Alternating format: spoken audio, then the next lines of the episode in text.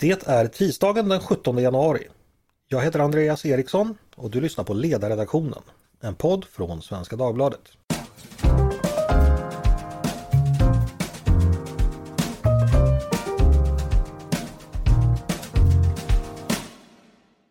Varmt välkomna ska ni vara till dagens avsnitt av podden. Idag ska vi återkomma till ett ämne som vi haft uppe flera gånger tidigare, nämligen den svenska NATO-ansökan och diskutera den senaste utvecklingen. Det har ju hänt en del sedan vi hade ämnet senast uppe i podden och det har blivit dags för en ny summering. Var står vi någonstans och vad kan man förvänta sig hända nu? Med mig för att göra det har jag två gäster, också två gamla bekanta, nämligen min kollega på redaktionen Olof Ehrenkrona med lång erfarenhet från utrikespolitiken. Välkommen hit Olof! Tackar! Också Mikael Salin, vår tidigare ambassadör i Ankara. Varmt välkommen du också Mikael. Çok teşekkürler säger jag på turkiska. Okej. Eh, kort repetition för lyssnarna. Eh, Sverige, Finland och Turkiet slöt ju i juni förra året i samband med NATOs möte i Madrid eh, ett avtal, eh, vad som kallas ett trilaterat memorandum på, på svenska om jag får det rätt som så att säga utgör utgångspunkten för den process vi befinner oss i nu. Under hösten har kontakterna och förhandlingar skett mellan Ankara och Stockholm. När vi senast eh, hade ämnet uppe i podden, då var du Mikael med och också Paul Levin, Turkietkännare från universitetet. Då tyckte vi oss ana en viss optimism kring utvecklingen. Det som har hänt nu senast, bara som kort repetition för alla som lyssnar, det är ju att eh, statsminister Ulf Kristersson uttalade sig i samband med Folk och Försvars rikskonferens i Sälen. Han sa då att diskussionerna med Turkiet gick citat mycket bra, men också att det finns saker som Turkiet har krävt som Sverige varken kan eller vill ge. Eh, nu ligger besluten hos Turkiet, sa han vidare.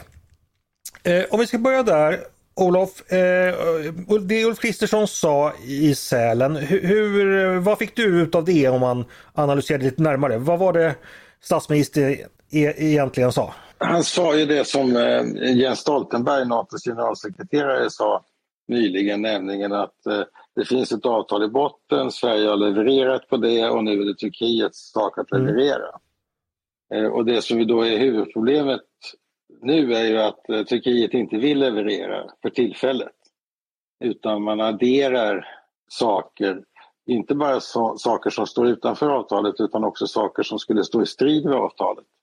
Eh, och det är klart att det, det, är ett problem som Turkiet står för och inte Sverige. Eh, Mikael, bara samma fråga till dig. När, när du hörde statsminister Kristersson från, från Sälen, eh, drog du några, hade du några andra tankar om, om hans budskap?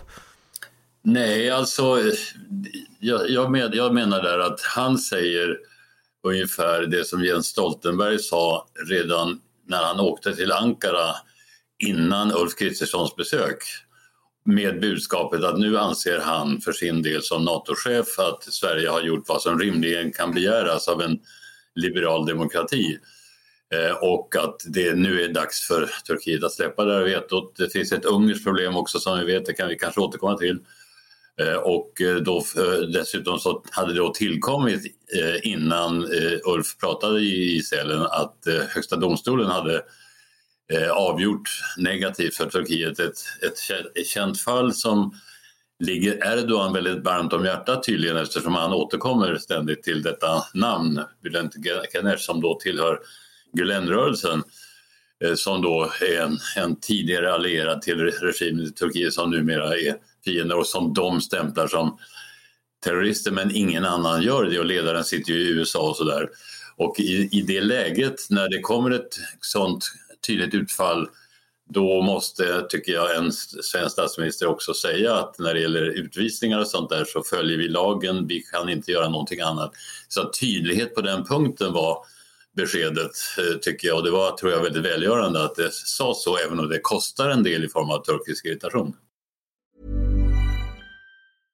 Hej, jag Ryan Reynolds. At Mint Mobile, we like to do the opposite of what Big Wireless does. They charge you a lot, we charge you a little. So naturally, when they announced they'd be raising their prices due to inflation, we decided to deflate our prices due to not hating you.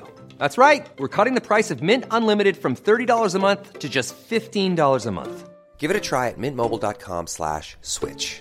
$45 upfront for three months plus taxes and fees. Promote for new customers for limited time. Unlimited more than 40 gigabytes per month. Slows. Full terms at mintmobile.com. Bara kort spela in dig där Olle, det här, det här med utlämnandet av en person, en medlem i Gülenrörelsen. Vilken på, vad vet vi om Erdogans eh, reaktion på det och vilken påverkan har det fått? Vi vet ju inte så mycket om Erdogans reaktion annat än det vi har sett via så att säga, turkiska medier. Eh, och det är ju ett av problemen här att, att Erdogan för en, en, en, förhandling via turkiska kvällstidningar och det är klart att det, det, det är, eh, är ju inte ett, ett sätt att bedriva konstruktiva förhandlingar men huvudproblemet är precis det som, som Mikael säger att Erdogan då upp, enligt uppgift kräver utlämning av personer som inte är terroristkopplade.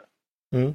Eh, och eh, i det här fallet så bör man ju då notera att Fethullah Gülen sitter ju i USA och lämnas inte ut därför att inte, amerikanerna inte anser att det finns skäl att, att göra det. Och, och här kräver då den turkiska statsledningen utlämningen från svensk sida av en person som, som har samma typer av kopplingar. Och då, då, ja, då, då blir det ju tvärstopp i maskineriet.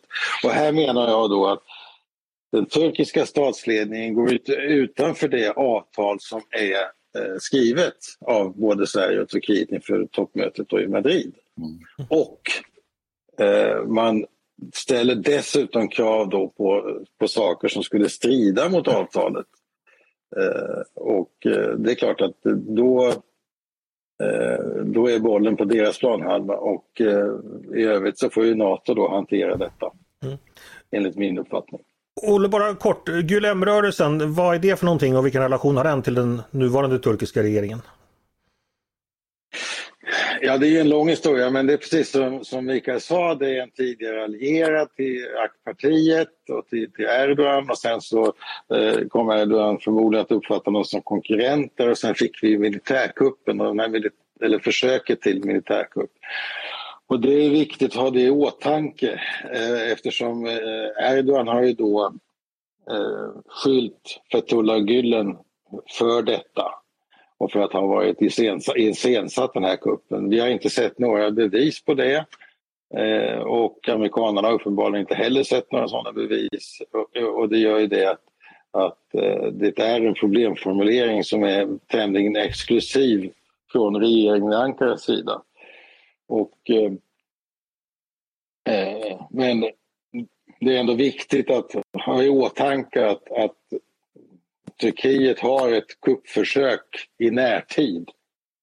Eh, och det är ju ovanpå alla andra kupper och kuppförsök som har varit under 1900-talet och sedan andra världskriget. Så att det är klart att de har en annan, en annan mental eh, karta mm. än eh, alla andra NATO-länder. När det gäller just Gülenrörelsen som tidigare allierad som sagt eh, och i det här fallet när det gäller Bülent Kenners så har han då varit chefredaktör för en, en tidning som då blev, kom i opposition mot regeringen och därför är, är stigmatiserad nu. Men även Erdogan själv har tidigare och liksom eh, Ibrahim Kalin, presidentrådgivaren och andra har medverkat i den tidningen förut. Så att det där med eh, medverkan i just den tidningen har en historia som är mer komplicerad.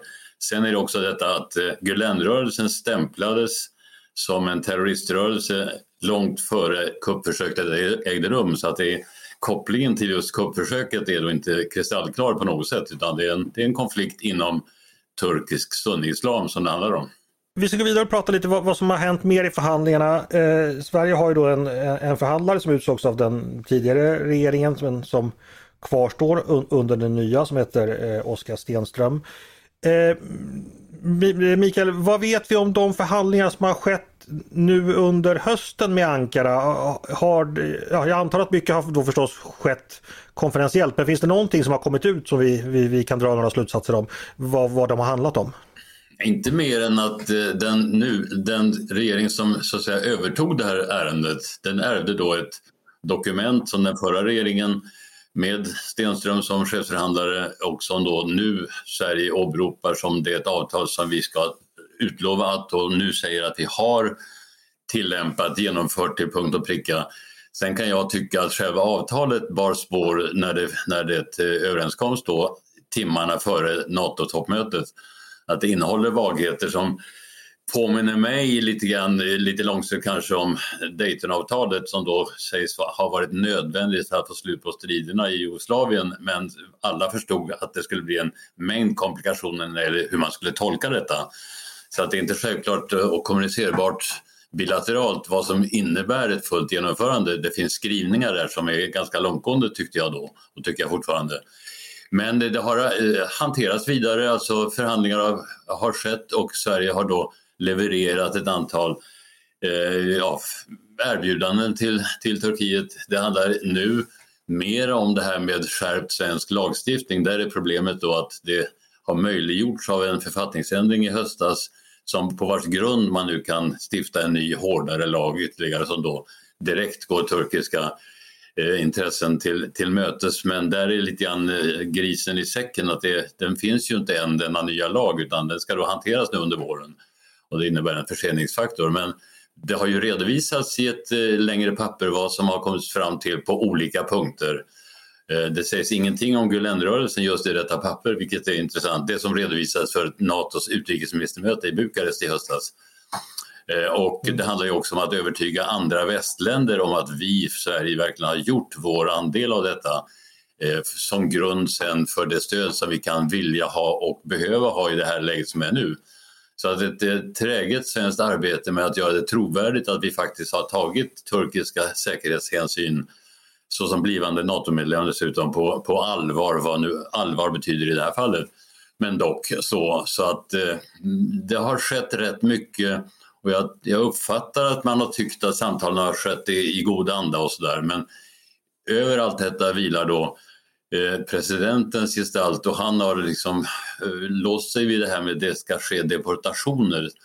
Från turkisk sida pratas hela tiden om att det är bra, det är bra, det är bra när det gör, men det behövs mer. Och vad då mer? Jo, det handlar då i första hand om att de vill att vi ska utvisa folk och det är det som, det som gör att Kristerssons markering nu i cellen så var faktiskt viktig att tala om. Det står ändå i avtalet att det ska ske inom ramen för den europeiska konventionen om utvisningar och där står det ganska tydligt vad, vad som är så att säga, kriminaliserbart och grund för utvisningar.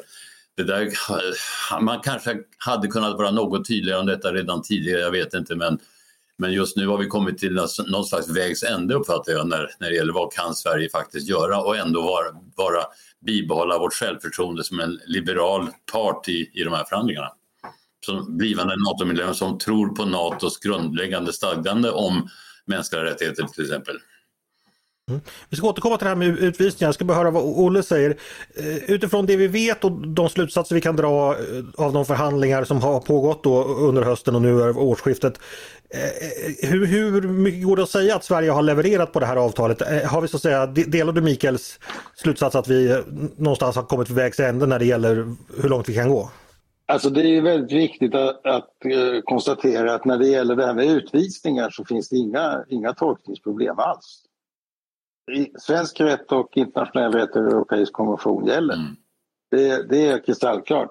Det som, det som då cirkulerar via de turkiska kvällstidningarna och, och citat att vi ska göra mer och sådär.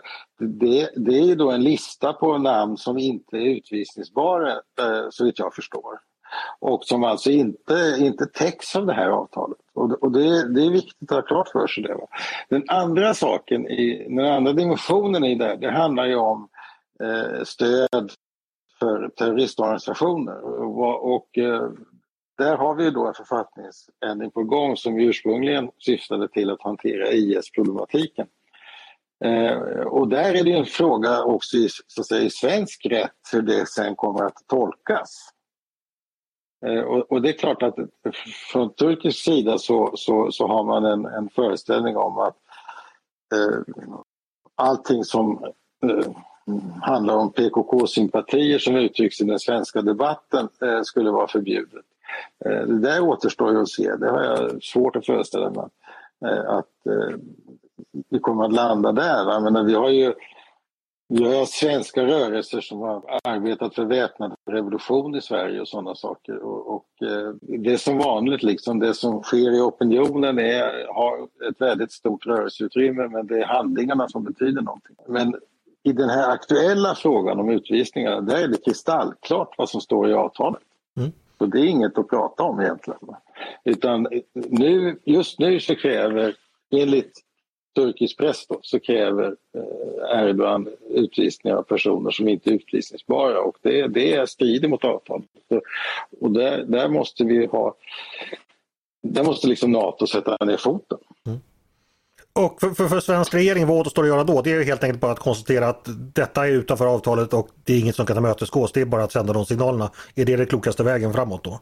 Ja, vi har en rättslig process när det gäller utvisningar som innefattar, eh, innefattar prövning ytterst i Högsta domstolen och den prövningen kan regeringen inte åsidosätta och det måste vi liksom...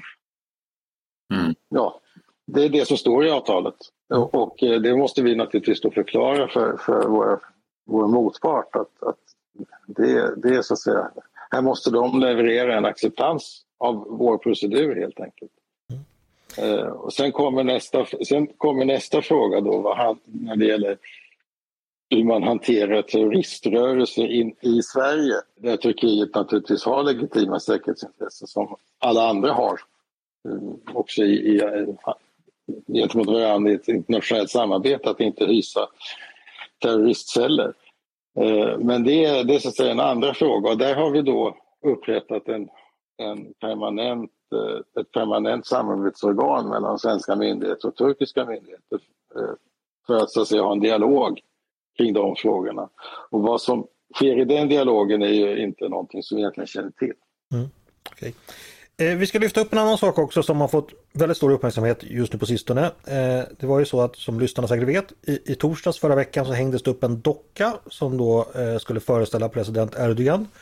Hängdes upp, upp och ner framför Stockholms stadshus vilket också omedelbart postades på sociala medier. Bakom låg Rojava-kommittéerna, en grupp som säger sig vara ett nätverk för solidaritet och utbyte med den revolutionära rörelsen i hela Kurdistan, eh, nu citerar jag deras egen programförklaring, eh, som också är motståndare till svenskt NATO-medlemskap med argumentet ingen allians med fascister.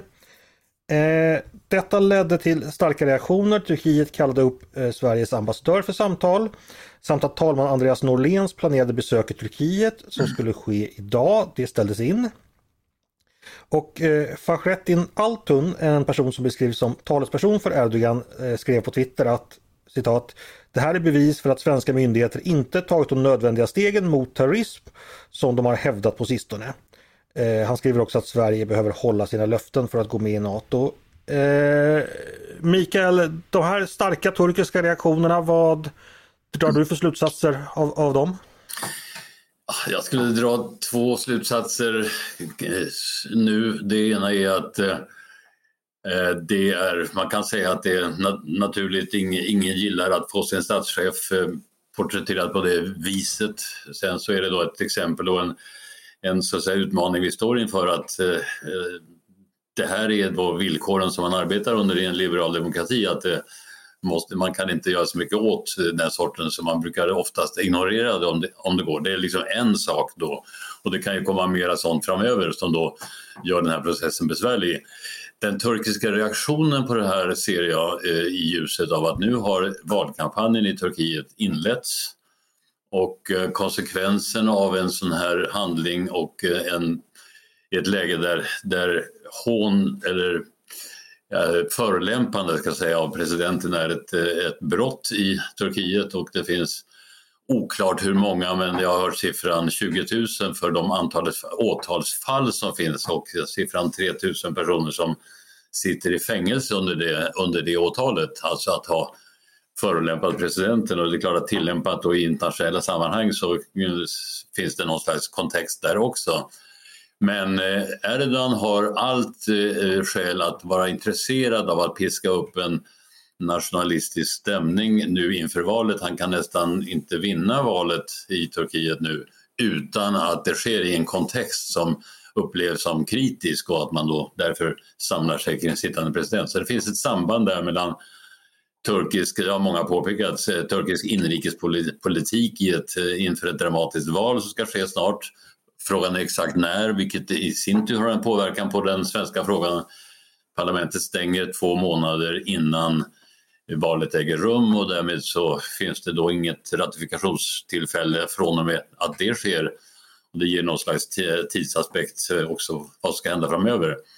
Så att eh, väntad eh, stark reaktion och när jag har fått frågor annars om hur det är med turkisk press eh, roll så, så finns det anledning att påpeka att det inte bara kvällstidningar utan turkiska officiella media är väldigt regimkontrollerade, upp, uppåt 90 procent och stora ingrepp har gjorts även när det gäller sociala medier så att det, det säger någonting också om vilket land vi har att göra med i det här fallet. Mm. Eh, Olle, eh, hur menar du att vi ska förstå de turkiska reaktionerna på just den här aktionen? Det är ju så att i turkisk lag så, så får man inte förolämpa presidenten. Vi, vi har haft en liknande ordning i Sverige förr som kallas för majestätsbrott. Eh, där statsöverhuvudet eller statschefen var skyddad för, från angrepp. Så att det är, inte, det är ingenting eh, unikt i, i, i olika staters rättsordningar att sådana här paragrafer finns. Va? I Sverige finns det inte något sånt. Eh, och där får man ju göra vad man vill. Det som väl man kan säga om, om den här dockan är att det är ju inte det är ju lynchning vi talar om egentligen och hot om lynchning. och det är ju inte någonting som vi ägnar oss åt i Sverige. Eh, men eh, det har ju förekommit i andra länder. Det senaste förekom i Sverige var Flersenska mordet i stort sett för 200 år sedan. Mm.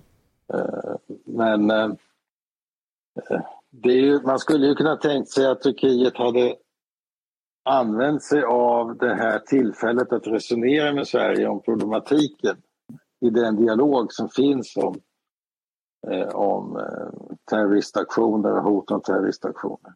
Eh, men istället så, så, gör man, eh, så gör man det till en konfrontationspunkt. Eh, och det är väl som Mikael säger att det har väl inrikespolitiska skäl i Turkiet. Det är som är orsaken.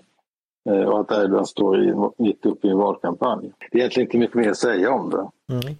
Eh, vi ska tala också om de svenska reaktionerna som då eh, var ganska starka. Utrikesministern skrev i ett officiellt uttalande, alltså Tobias Billström, att vi ser otroligt allvarligt på det som har hänt. Att genomföra en slags låtsasavrättning av en utländsk demokratisk vald ledare är förkastligt i sig.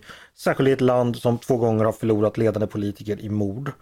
Eh, Socialdemokraten Morgan Johansson som är vice ordförande i utrikesutskottet, eh, ja, han sa ungefär samma sak. Han sa så här Denna demonstration är, är en avskyvärd uppvisning i omdömeslöshet. Eh, även statsminister Kristersson kallar aktionen för avskyvärd.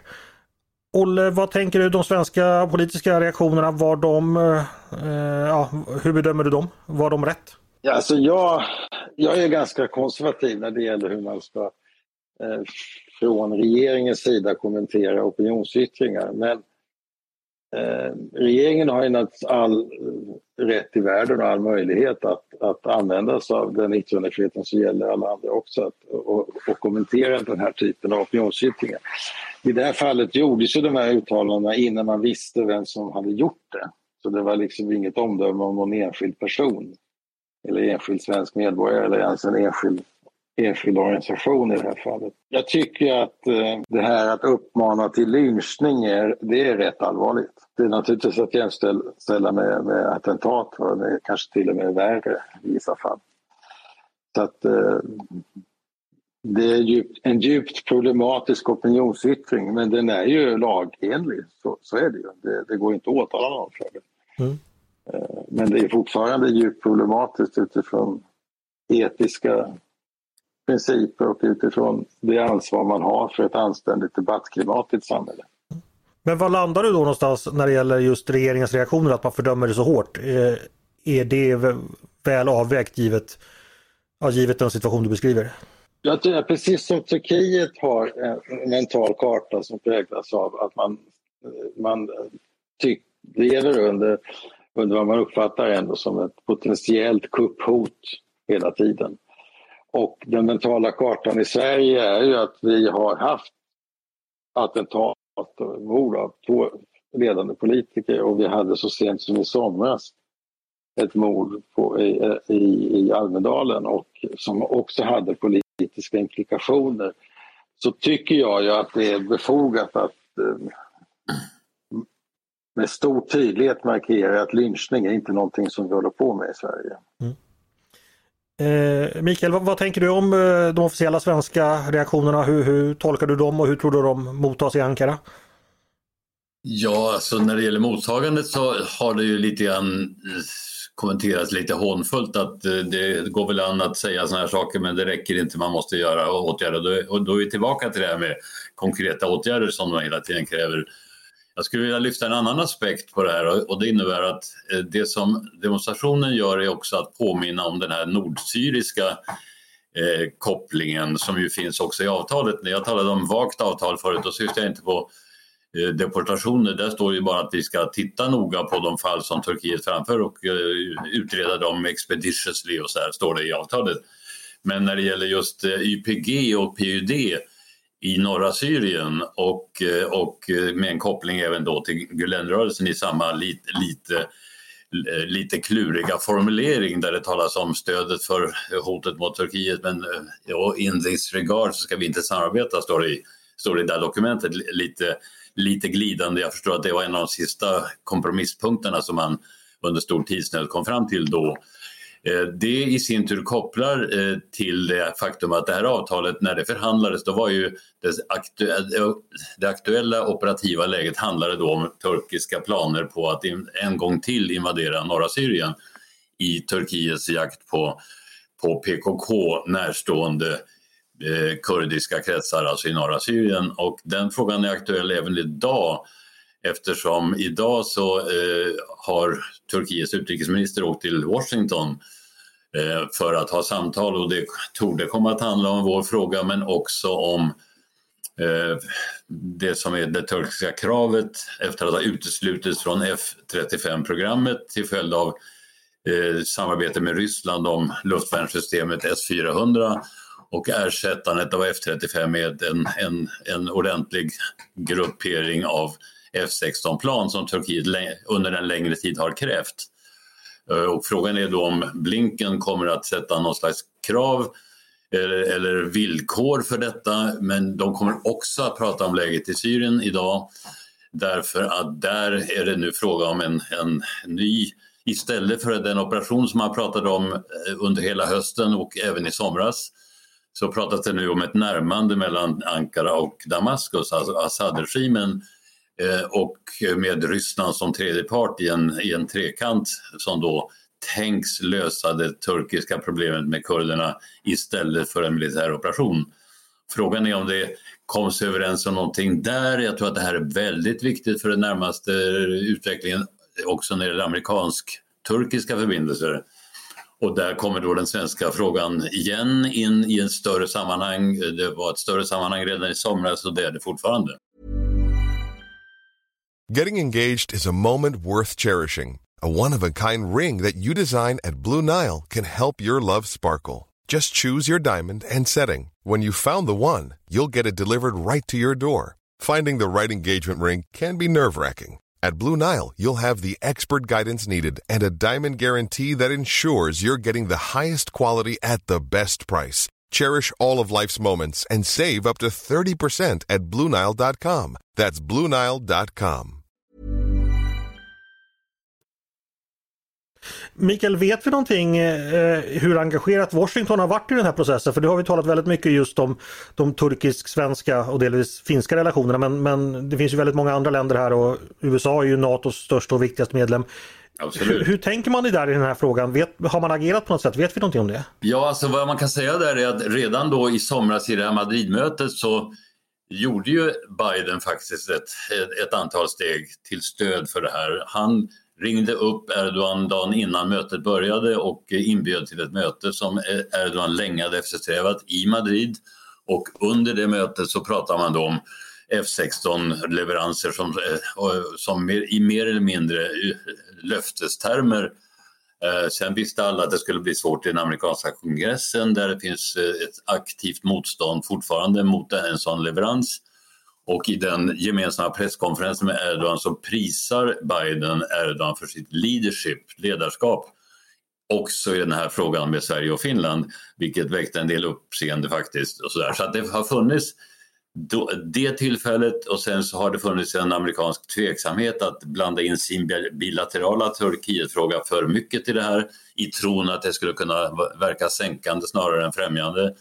Jag tror att man nu är redo att eh, på nytt titta på den här frågan när man kan konstatera efter att Ulf Kristersson till exempel och även, även Jens Stoltenberg har sagt, använt sånt här ord som i stort sett innebär att nu har vi kommit så långt som det går att komma för en liberal demokrati att komma överens med Turkiet som har en så annan syn på terrorism än vad vi har.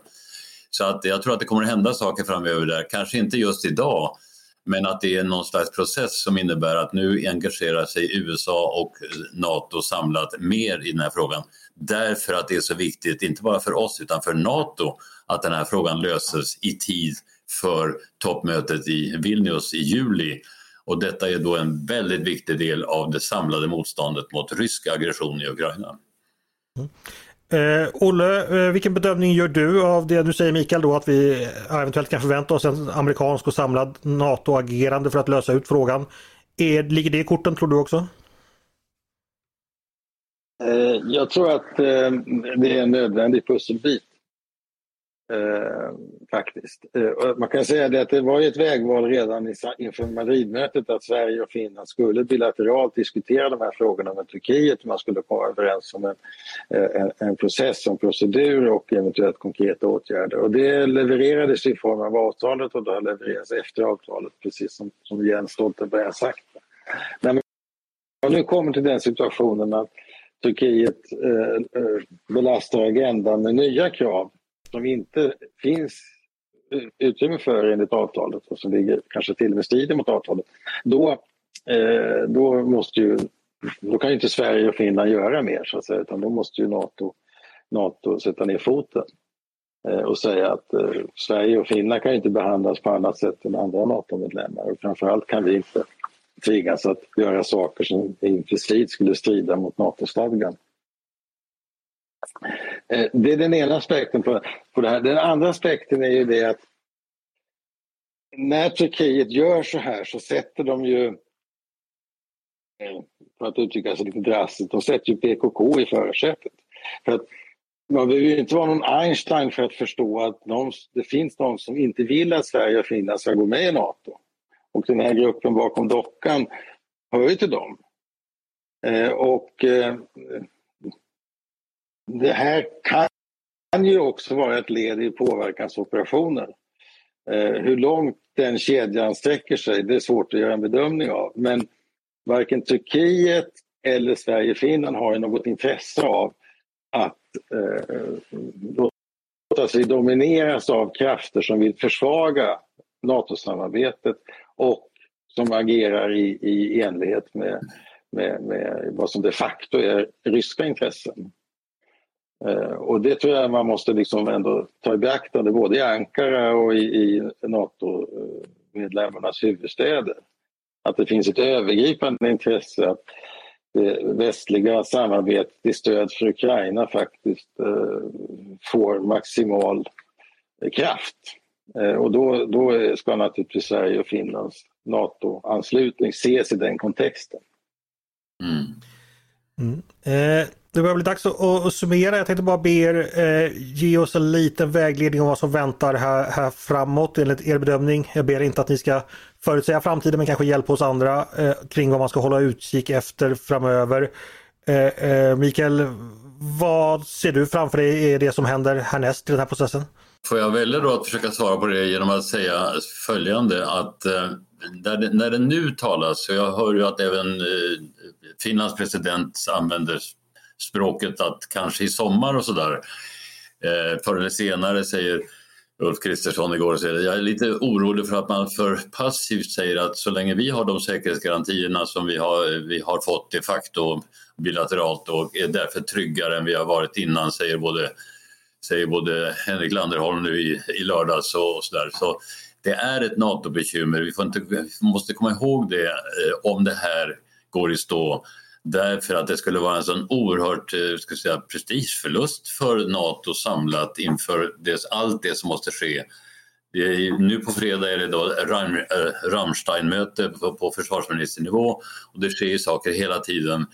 på, den, på Ukraina-fronten. Så det här är jätteviktigt.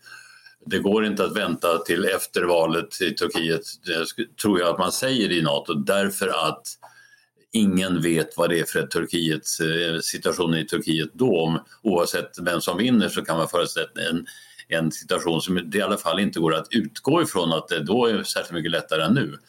Så jag tror att många tänker att det här måste lösas nu i mars månad när det fortfarande finns ett eh, möjlighetsfönster innan det turkiska valrörelsen innebär stängande av turkiska parlamentet. Jag tror alltså på en process av väldigt aktiv diplomati, kanske med början just idag, till stöd, inte för vår skull men för Natos skull, i att få den här frågan löst. Stort tack för det. Eh, ja, samma fråga till dig Olof. Vad tänker du att eh, kommer ske härnäst? Var, var, var, befinner sig processen just nu och vad, vad, vad är nästa steg? Eh, jag tror som sagt också att det startar ett nytt eh, diplomatiskt skede i och med mötet idag i Washington. Det finns många skäl som talar för det. Eh, men det är också en situation där vi där jag tycker att man kan ha anledning att oroa sig över irrationaliteten i beslutsfattandet i Ankara och Budapest. Där det alltså är andra hänsyn än, än Natos förmåga att stå upp för västerlandets försvar i, i eh, konflikten med, med, Ryssland och eh, kriget i Ukraina. Eh, och där är det ju så att eh, eh, vi vet inte riktigt vad Ankara har för intressen i, de här, i, i den här konflikten och när det gäller eh, Ungern så är ju problematiken uppenbar, tycker jag. Orban har inte de värden och de värderingar som, som NATO-alliansen bygger på i, i stödet för Ukraina och i stödet för, utan det finns ungerska nationalistiska hänsyn som tas som eh, ja, som inte är behagliga att ta del av faktiskt. Då får det bli avslutande varningsord för eh, vad som händer när nationalism vinner över rationalitet eh, och västerlandens gemensamma värden. Eh, Stort tack Mikael Salin och eh, Olof Ehrenkrona för att ni ville komma till podden idag och diskutera det. Tack så mycket! Tack! Tack, tack! Ni har lyssnat på Ledarredaktionen, en podd från Svenska Dagbladet. Ni är varmt välkomna att höra av er till oss på redaktionen med tankar och synpunkter på det vi precis har diskuterat eller om ni har förslag på det vi ska ta upp i framtiden. Då är det bara att mejla till ledarsidan snabel svd.se. Dagens producent, han heter Jesper Sandström. Jag heter Andreas Eriksson och jag hoppas att vi hörs igen snart.